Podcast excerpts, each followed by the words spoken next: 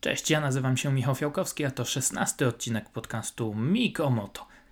Jedziemy.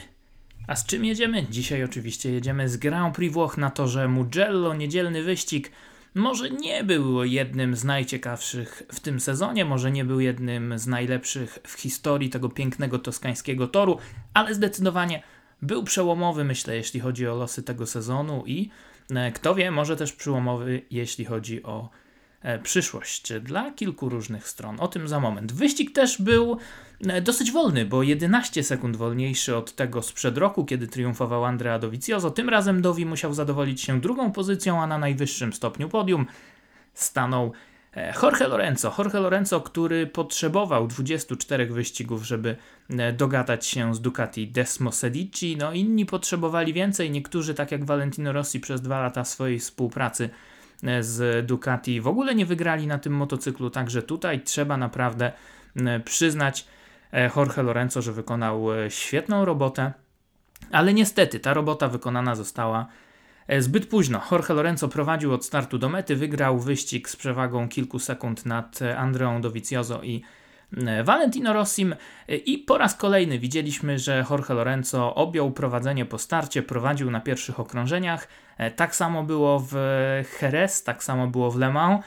Wtedy e, tracił jednak tempo pod koniec wyścigu, tym razem tak się nie stało. Dlaczego? Ano dlatego, że e, Ducati wreszcie go posłuchało i wreszcie zmodyfikowało zbiornik paliwa. W Le Mans po wyścigu już dosyć jasno Jorge Lorenzo mówił, nie tylko inżynierom, ale też kibicom, w czym dokładnie jest problem. Podkreślał, że kiedy hamuje, nie ma tego wsparcia, nie ma jak się zapierać nogami o zbiornik paliwa i przez to ta jazda jest bardzo wymagająca fizycznie i on po prostu opada z sił. Brakuje mu sił w ramionach, nie dlatego, że mało ćwiczy, bo ćwiczy, trenuje rzeczywiście jak szalony i każdy, kto go śledzi gdzieś tam w mediach społecznościowych wie, że rzeczywiście Lorenzo E, trenuje jak maszyna, no ale nikt nie jest w stanie pewnych rzeczy przeskoczyć. I tutaj rzeczywiście ten motocykl dla jego stylu jazdy był za bardzo wymagający fizycznie.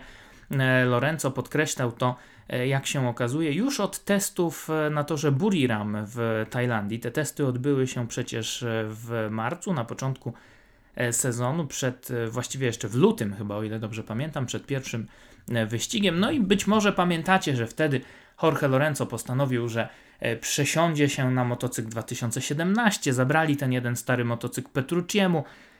E, no i ja nawet w podcaście mówiłem, że to jest niesamowite, jak zagubiony jest e, Jorge Lorenzo, jakie to są desperackie manewry z jego strony i co się okazuje, byłem w błędzie, wszyscy byliśmy chyba w błędzie, bo Jorge Lorenzo mówi, tak, zmienił się trochę ten motocykl w tym sezonie, zmienił się trochę kształt ramy, ten kształt ramy wymusił na inżynierach to, że musieli nieco przesunąć e, zbiornik paliwa. Dla innych zawodników to nie było problemem. Dla Lorenzo to było problemem. On to e, podkreślał. Mówił, że nie ma tego właśnie wsparcia, nie może się zapierać nogami o ten zbiornik. No ale jak się okazuje, Ducati nie słuchało i nie słuchało e, nie po raz pierwszy, bo podobnie przecież było z Valentino Rossim. Ja doskonale pamiętam ten wywiad z Jeremy Burgessem, wtedy szefem mechaników Valentino Rossiego, kiedy oni już wrócili na Yamaha i Burgess na Sachsenringu podczas Grand Prix Niemiec w 2013 albo 2014 roku mówił mi, że no po prostu Ducati e, nie słuchało. I tutaj chyba było podobnie, bo Jorge Lorenzo nawet podkreślał w ten weekend, że tak, Ducati słuchało, ufało, ale trochę za późno. Gdyby dostał te części trochę wcześniej, może wyglądałoby to E, inaczej. On dostał pierwszą partię takich części, nową ramę, nowe e, siedzenie podczas Grand Prix Hiszpanii w Jerez. No i od tego momentu rzeczywiście widzieliśmy ten skok. Jechał bardziej agresywnie, e, długo jechał na prowadzeniu i w jednym i w drugim wyścigu, później także we Francji.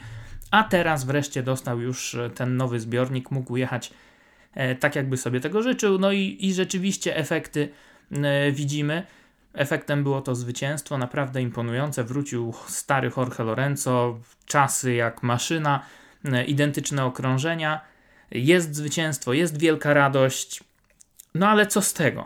E, bo Jorge Lorenzo e, po wyścigu powiedział: Tak, jakbym dostał te części wcześniej, może byłoby inaczej, a teraz jest już jasne, że Jorge Lorenzo nie zobaczymy w przyszłym roku na Ducati. Zmienia barwy hiszpański zawodnik. Wygląda na to, że wraca na Yamaha, ale to nie będzie fabryczna, znaczy będzie to fabryczna Yamaha, ale nie w fabrycznym zespole Movistar.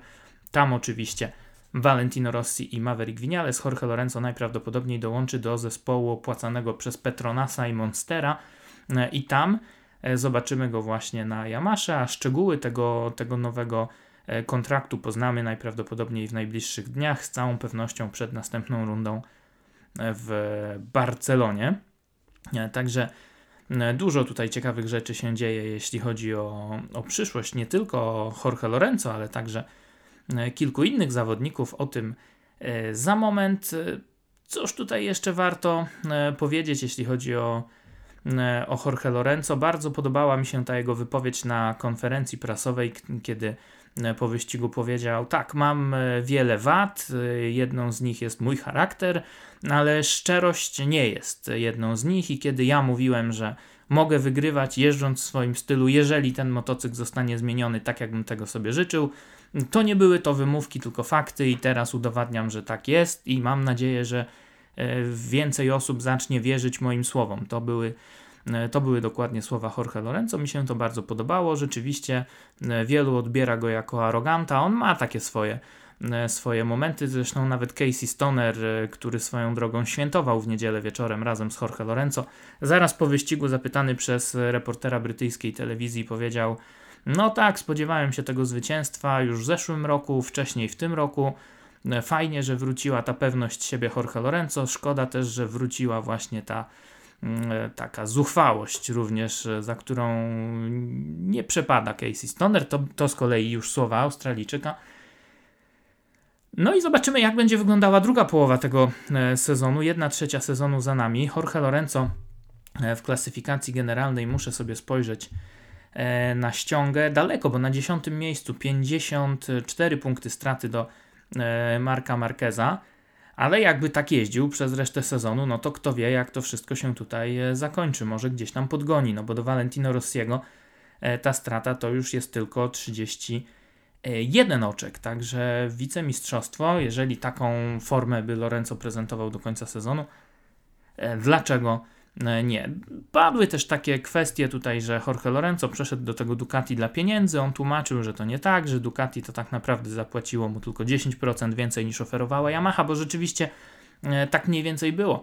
Ducati zaproponowało 12,5 miliona euro rocznie, Yamaha proponowała tam w okolicach 10 milionów euro e, rocznie, także raczej nie był to skok na kasę. Raczej w długofalowej perspektywie E, to chyba nie wypali, bo, bo boję się, że tego tytułu jednak Jorge Lorenzo w tym roku e, nie wywalczy, ale wyścig wygrał, może wygra kolejne, więc e, trzeba przyznać, że mm, no, zapisał się tutaj na, na kartach historii zdecydowanie. No ale może dosyć o Jorge Lorenzo, idziemy dalej. Andrea Dovizioso na drugim stopniu podium podkreślał, że E, no, popsuł mu ten wyścig trochę wybór e, opon, on założył twardy przód, podobnie jak Valentino Rossi, obaj mieli z tym przodem duże e, problemy, ten przód puszczał, Dovizioso mówi, że widział jak się ślizgał Valentino Rossi, więc też nie chciał ryzykować. Bardzo specyficzny wyścig zdaniem Andrei Dovizioso, bo brakowało przyczepności, tempo nie było zbyt wysokie, no ale nie dało się założyć bardziej miękkich opon, bo nie dałoby się na nich dojechać do mety. Pierwsze podium dla Andrei Dovizioso. E, w tym sezonie od Grand Prix Kataru, e, kiedy wygrał, więc drugie e, łącznie. Trochę żałował Dovizioso oczywiście, może powinienem założyć ten bardziej miękki przód, tak jak Lorenzo, no ale to jest właśnie ta mocna strona Lorenzo. On jest w stanie te opony oszczędzać trochę bardziej. Dovizioso z kolei mówił, że nie miał przyczepności w środku zakrętu, brakowało tempa w środku zakrętu, później się ślizgał jak wychodził z tych zakrętów, no i generalnie E, nie czuł się najlepiej, ale w ostatnich trzech wyścigach mówi, mieli tempo, żeby walczyć o, o podium, więc e, jest całkiem e, nieźle. No i rzeczywiście tutaj myślę, że Ducati będzie, będzie groźne, przynajmniej w kilku kolejnych wyścigach. Pytanie, czy groźny będzie też Valentino Rossi. Kończył wyścig na podium, startował z pole position, kibice oszaleli w sobotę, kiedy Valentino Rossi wygrał kwalifikację, ale w niedzielę tego tempa E, trochę brakowało i Valentino Rossi nawet po wyścigu powiedział: OK, no jestem wysoko e, w klasyfikacji generalnej, bo jestem drugi, tracę 23 punkty do Marka Marqueza, ale nie wierzę w to i nie myślę o tym, e, że będę walczył o mistrzowski tytuł, bo mamy jeszcze dużo, dużo pracy przed sobą. I rzeczywiście ja mam takie wrażenie, że tutaj Valentino Rossi pojechał przed własnymi kibicami dużo, dużo lepiej niż pozwalał na to tego dnia motocykl Yamaha, no bo Maverick Vinales na drugiej pozycji był 5 sekund za E, Valentino Rossim e, i był dopiero ósmy. Joan Zarco finiszował na dziesiątej pozycji i za Valentino Rossim e, sekund 11, także Yamaha no, ma za sobą bardzo trudny weekend, ale zanim o tej Yamasze to jeszcze kilka słów o Valentino Rossim, który powiedział, że te kilka minut, które kiedy stoi się na podium przed włoskimi kibicami, przed tym morzem E, fanów w żółtych koszulkach. To mu wynagradza cały trud e, z całego sezonu, całą tą ciężką pracę, treningi, przygotowania. No i rzeczywiście e, widać było, że wzruszony był Valentino Rossi, wzruszona była jego nowa dziewczyna i wzruszona była cała Yamaha po tym podium, po tym pole position, też pierwszym od prawie dwóch lat, a, a mi bardzo się podobało to, co się wydarzyło na konferencji prasowej też pomiędzy Lorenzo i Rossim po wyścigu. E, tam była taka koszulka e, gondolierów, tych e, panów, którzy sterują gondolami w Wenecji, bo Wenecję odwiedzał Jorge Lorenzo na taki event promocyjny przed Grand Prix Włoch. Valentino Rossi na konferencji sobie żartował, no to teraz musisz przed każdą rundą jeździć do Wenecji. Jorge Lorenzo na to odpowiedział: OK, możemy jechać razem, ale zabieramy dziewczyny. No i panowie przybili sobie piątki, trochę się pośmiali. Miła, fajna atmosfera pomiędzy dwoma zawodnikami, którzy przecież nie przepadali e, za sobą przez e, wiele, wiele lat, delikatnie mówiąc. No a Valentino Rossi też był pytany przez dziennikarzy e, o to wszystko, jeśli chodzi o, o Yamaha. On cały czas podkreśla, że wiedzą, co, co trzeba zrobić, ale nadal nie są wystarczająco szybcy i teraz wszystko w rękach inżynierów. To samo zresztą mówi e, Maverick Vinales, ale on to już w słowach e, nie przebiera, bo o ile Joan Zarko po tym, jak mówiłem, dziesiątym miejscu powiedział krótko, no okej, okay, nie pasował nam ten weekend, mieliśmy problemy, trudno, tak się zdarza. O tyle Maverick Vinales znów dał upust e, swojej frustracji, bardzo rozczarowany powiedział, że rano jeszcze po rozgrzewce to wierzył, że, że wygra ten wyścig, ale w wyścigu samym znów traci tempo, E, kiedy tylko startują. On jedzie dużo wolniej, sekundę wolniej niż w treningach, niż w kwalifikacjach. Nie wie dlaczego tak się dzieje. E, czy to jest kwestia tego, że ścigają się po wyścigach e, kategorii Moto2, ale zmienia się ta przyczepność. Zły na Yamaha mówi: Obiecali mi, że dostanę motocykl, aby walczyć o zwycięstwa. Walczę z prywatnymi zawodnikami Ducati. No, ostro Maverick Vinales, ale ja mam takie wrażenie, że to nie jest takie zwykłe narzekanie, szukanie dziury w całości i, i jakaś taka frustracja, tylko to jest dokładnie taka sama historia jak z Jorge Lorenzo, który w Tajlandii mówił, no nie pasuje mi w tym motocyklu coś, zmieńcie to, to będę wygrywał. No i zmienili i wygrał. I myślę, że jeżeli Yamaha postąpi w ten sam sposób z Maverickiem Vinalesem, posłuchają, zmienią, to może on też będzie E, konkurencyjny. Sęk w tym, że Jorge Lorenzo mówił wprost: Nie mam e, czucia e, na tym zbiorniku, muszę mieć lepsze wsparcie. Wiedział, czego chce. Maverick Vinales mam takie wrażenie, że, że nie wie, bo dużo mówił o elektronice, teraz mówi o przodzie, raz czasami mówi o tyle, raz o ramie, raz o silniku. No można zwariować. Sam chyba jednak nie do końca wie, czego wymaga od tego motocykla, no ale chciałby wygrywać. Czy Yamaha się pozbiera, czy się ogarną, czy się nie ogarną, jak to się skończy. No może nie będą musieli wcale Mavericka Vinalesa słuchać, bo przecież e, wraca wszystko na to wskazuje na Yamaha Jorge Lorenzo i z całą pewnością będzie szybki. To nie jest jedyna zmiana, bo przecież Jorge Lorenzo zostawia E, April, e, zostawia Ducati oczywiście, kto na jego miejsce? E, Danilo Petrucci, podobno już kontrakt podpisał na zaledwie 400 tysięcy euro. On będzie tym drugim zawodnikiem u boku Andrei Dovizioso. Pytanie, kto będzie drugim zawodnikiem u boku Marka Marqueza, bo dzisiaj już wiemy, że nie będzie to Dani Pedroza. Honda już oficjalnie potwierdziła, kończą współpracę z Pedrozą, no i wygląda na to, że nikt nie chce być takim numerem dwa u boku e, Marka Marqueza, bo o ile tutaj z Petrucci i Ducati sytuacja była jasna, o tyle e, z Marquezem i z Hondą e, sprawy dosyć mocno się komplikują. Nawet Marquez mówi, kto by tutaj nie przyszedł, to ja ostrzegam, to nie jest łatwy motocykl. I rzeczywiście tak jest. Honda jest bardzo trudna, bardzo wymagająca, a do tego jest ten Marquez, który jest absolutnym e, numerem jeden w zespole Repsola. Mi się to trochę nie podoba, szczerze mówiąc, bo trochę nam się zmienia MotoGP w Formule 1. Mamy e, kilka takich zespołów, w których jest, no może tego nie mówi się oficjalnie, nie mówi się tego głośno, no ale jest wyraźny, absolutny e, numer jeden. W przypadku Repsola to jest e, Mark Marquez i, i zawsze dokładają temu numerowi 2 taki, temu numerowi 1 taki numer 2, który no, nie ma walczyć chyba na, róż, na równych zasadach, tylko ma być właśnie takim pomocnikiem, takim skrzydłowym, jak to się ładnie mówi. Generalnie mówiąc wprost, ma nie wchodzić w paradę e, liderowi. Tak było z Pedrozą. Szybki, e, powtarzalny, walczy o te podia, zdobywa punkty do klasyfikacji zespołowych, ale jakoś specjalnie Marquezowi e, nie fika. Tak będzie z Petruccim też w Ducati. Tak jest myślę z Alejszem Espargaro w Aprilii. Mało który zespół się decyduje na to, żeby dwóch równych zawodników ze sobą zestawiać. Tak robiło Suzuki, kiedy jeździł Aleix Espargaro i Maverick Vinales. Może teraz Janone i, i Linz to jest podobna sytuacja. Tak robi Yamaha. Mamy tam Rossiego i Vinalesa, no i widzimy, że to nie do końca się sprawdza, bo jeden chce to, drugi chce tamto, nie wiadomo kogo słuchać, ten narzeka, tamten narzeka, więc może rzeczywiście taki numer jeden e, i numer dwa jest, e, jest potrzebny w MotoGP. Pytanie, kto tym numerem dwa w Repsol Hondzie e, zostanie, bo odrzucił ofertę e, Hondy Joan Mir, mistrz świata Moto3, który jeździ w tym roku w Moto2 i wygląda na to, że wyląduje w Suzuki. Odrzucił ofertę podobno e, Jack Miller.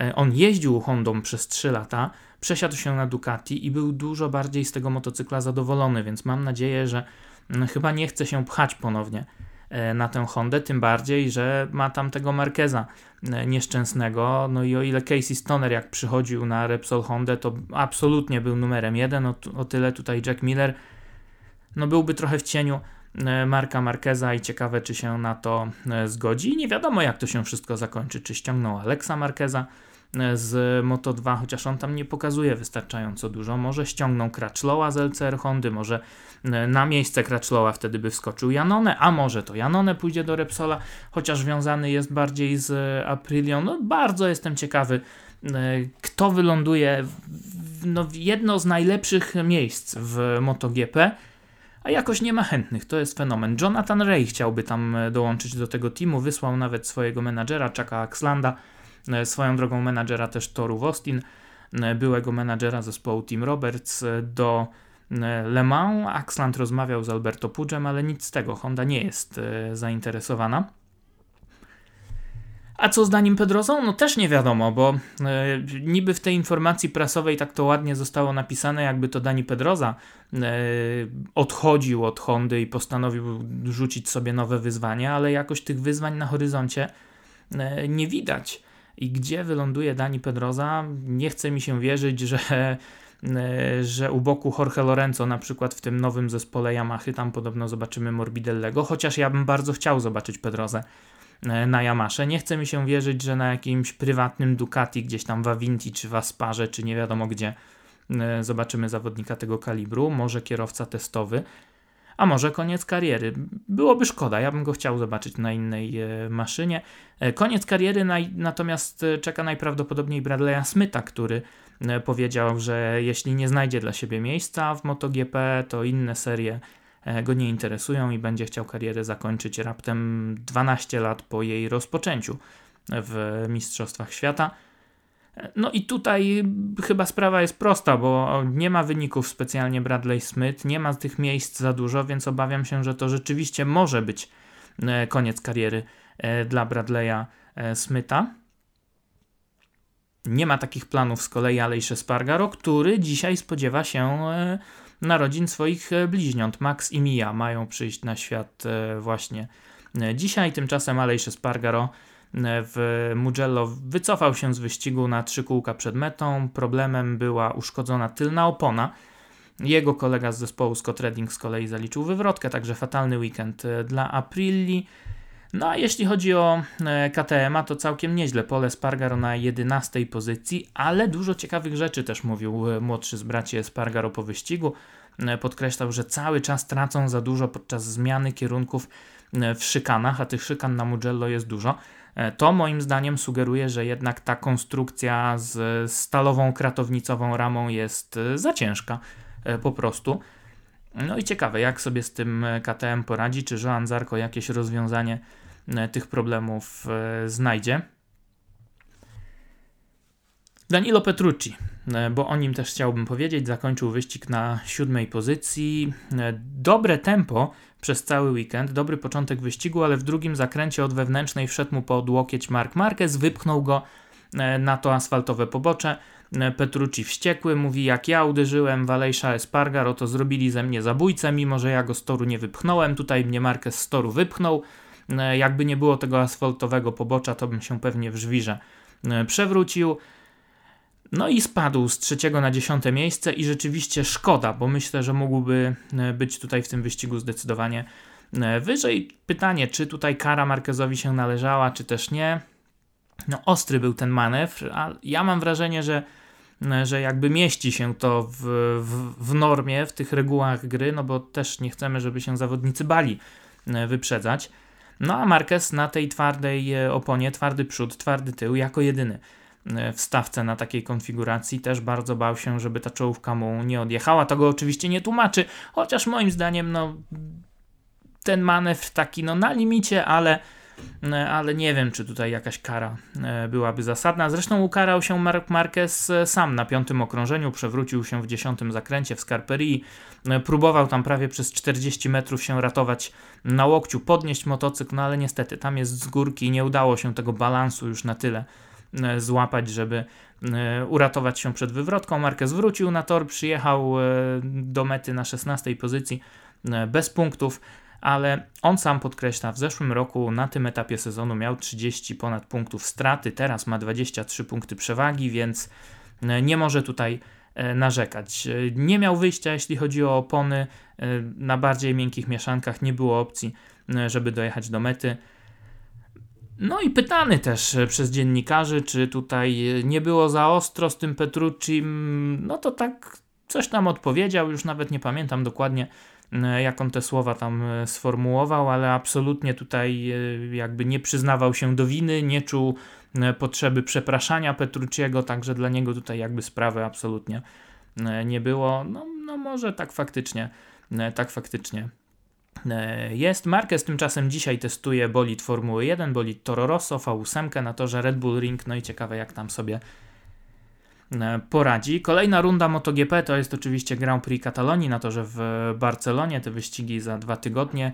E, tam e, ponownie wracamy do tej starej, sprawdzonej konfiguracji z szybkim przedostatnim zakrętem.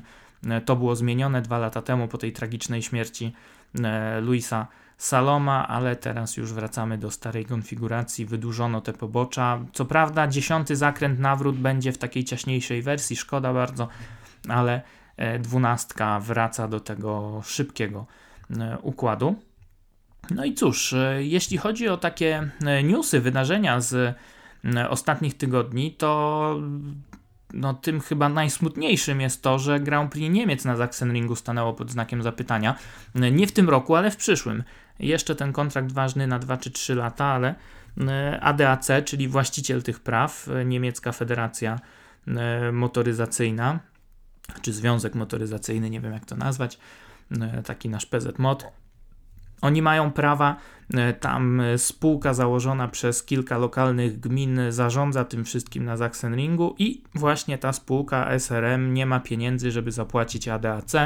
No i ADAC mówi: Sorry, zabieramy wam zabawę, przeniesiemy się najprawdopodobniej na Nürburgring. Także wszystko wskazuje na to, że E, tegoroczny wyścig e, o Grand Prix Niemiec będzie ostatni na Sachsenringu, chyba że tam się nie wyrobią z wprowadzeniem zmian na Nürburgringu, to może jeszcze rok.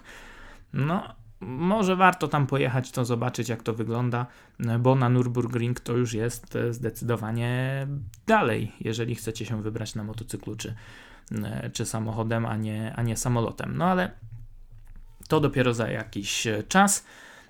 A kończąc chyba już powoli też dzisiejszy odcinek, bo nie ma się co tutaj przesadnie rozgadywać, chciałbym poruszyć wątek naszych polskich zawodników, dwóch młodych 16-letnich zawodników. Piotrek Biesiekirski ostatnio właśnie w Barcelonie na torze E, MotoGP, startował w Mistrzostwach e, Hiszpanii, startował tam też Kamil, Kamil Krzemień, e, ale Piotrek po wyścigu z przygodami, bo podczas wyprzedzania wyjechał poza tor, musiał gonić, musiał się przebijać i przebił się na podium w kategorii Open 600. Także gratulacje dla Piotrka. Bardzo chciałbym go zobaczyć, czy to w Mistrzostwach Świata Supersportów, czy to w Moto2.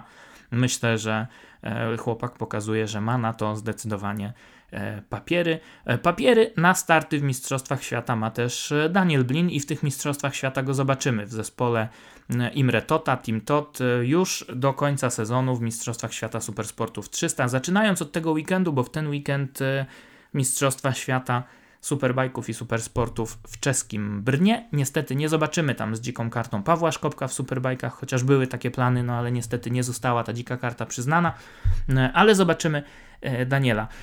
Trochę mam obaw, bo e, ten węgierski zespół startował w nim przecież właśnie Paweł Szkopek dwa lata temu w Superbajkach. Oni no, nie mieli dobrej, e, nie chcę powiedzieć opinii, ale e, nie mieli takiej renomy jak te czołowe teamy. Mały budżet, trochę problemów, nie do końca ekipa tam też ogarniała, ale to były superbajki. W supersportach jest, w tych trzysetkach jest dużo łatwiej, dużo mniej tam można przerabiać, modyfikować, ustawiać więc więcej zależy od zawodnika. No i mam nadzieję, że Daniel Blin swój potencjał, swój talent w barwach tego teamu e, pokaże. Także trzymamy kciuki za Daniela w ten weekend, wyścig w niedzielę o 14.20 bodaj, a w ten weekend również e, kolejna przedostatnia już runda Mistrzostw Świata FIM EWC na niemieckim torze Oszesleben, wyścig 8-godzinny, tam dwa polskie teamy, Wójcik Racing Team i LRP e, Poland. No nie jestem pewien w jakim składzie LRP Poland, wydaje mi się, że Arno Friedrich, Bartek Lewandowski i Jaro Czerny, natomiast w Wójcik Racing Teamie Marek Szkopek, Paweł Szkopek i e, Paweł Górka. No i tutaj Polacy liczą na udany weekend, na udany wyścig. Ten wyścig w sobotę. Ja będę na miejscu, więc e, śledźcie też to wszystko e, w mediach społecznościowych. Będę starał się jak najwięcej newsów Wam z toru przekazywać. Zespoły również na swoich kanałach w mediach społecznościowych będą to E, robić, a MotoGP wraca do rywalizacji za dwa tygodnie. E, dzisiaj krótki podkaścik, ale myślę, że w telegraficznym skrócie udało się te wszystkie najważniejsze e, wydarzenia omówić. Miałem jeszcze powiedzieć o Michele Piro, no fatalny, potężny ten wypadek w piątkowym treningu wolnym. Na szczęście rozeszło się po kościach i Michele Piro wraca do zdrowia, wybity bark jedynie. Już 23-24 czerwca runda Mistrzostw Włoch na torze Imola, tam E, Michele Piro będzie bronił prowadzenia w klasyfikacji generalnej, wygrał cztery pierwsze wyścigi. Mam nadzieję, że do tego czasu się wykuruje, że go tam zobaczymy. Ja to będę oczywiście dla Was komentował na antenach e, NC.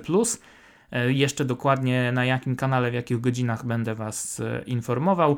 Miałem też powiedzieć o tych wszystkich skandalicznych zachowaniach włoskich kibiców względem Marqueza, o tych gwizdach, o tych nagrobkach, które tam były rozkładane na trybunach, no to jest w ogóle coś, co mi się w głowie nie mieści, ale e, wygląda na to, że, że, że ci niezbyt rozgarnięci ludzie, którzy na taki pomysł wpadli, zostali szybko tam z toru usunięci i wyścig sobie mogli co najwyżej oglądać w domu, a nie na trybunach. I tutaj e, gratulacje dla organizatorów za taką szybką reakcje. Pisałem o tym zresztą też na Facebooku, więc rzućcie okiem, jeżeli chcecie wiedzieć o co dokładnie chodzi. Nie chcę o takich tematach e, w, w tym podcaście rozmawiać. E, to jest przecież MotoGP, to nie są. No nie chcemy, żeby były takie klimaty jak podczas niektórych spotkań ligowych w piłce nożnej dochodziło na trybunach, także tego się trzymajmy. Ja już Wam dzisiaj dziękuję. Do usłyszenia w kolejnym odcinku. To będzie odcinek poświęcony właśnie Grand Prix e, Katalonii. Byłem też ostatnio w Poznaniu na Mistrzostwach Polski na Alpe Adria. Rozmawiałem tam e, z zawodnikami na temat tych naszych polskich wyścigów, ale muszę ten podcast trochę podmontować. To będzie coś innego. Mam nadzieję, że pojawi się w ciągu najbliższych, no może nie dni, ale tygodni. A kolejna runda Mistrzostw Polski przełom czerwca i lipca Panonia Ring na Węgrzech, także o Mistrzostwach Polski też będzie dużo ale nie dzisiaj. Wybaczcie. Do usłyszenia, cześć, trzymajcie się, hej.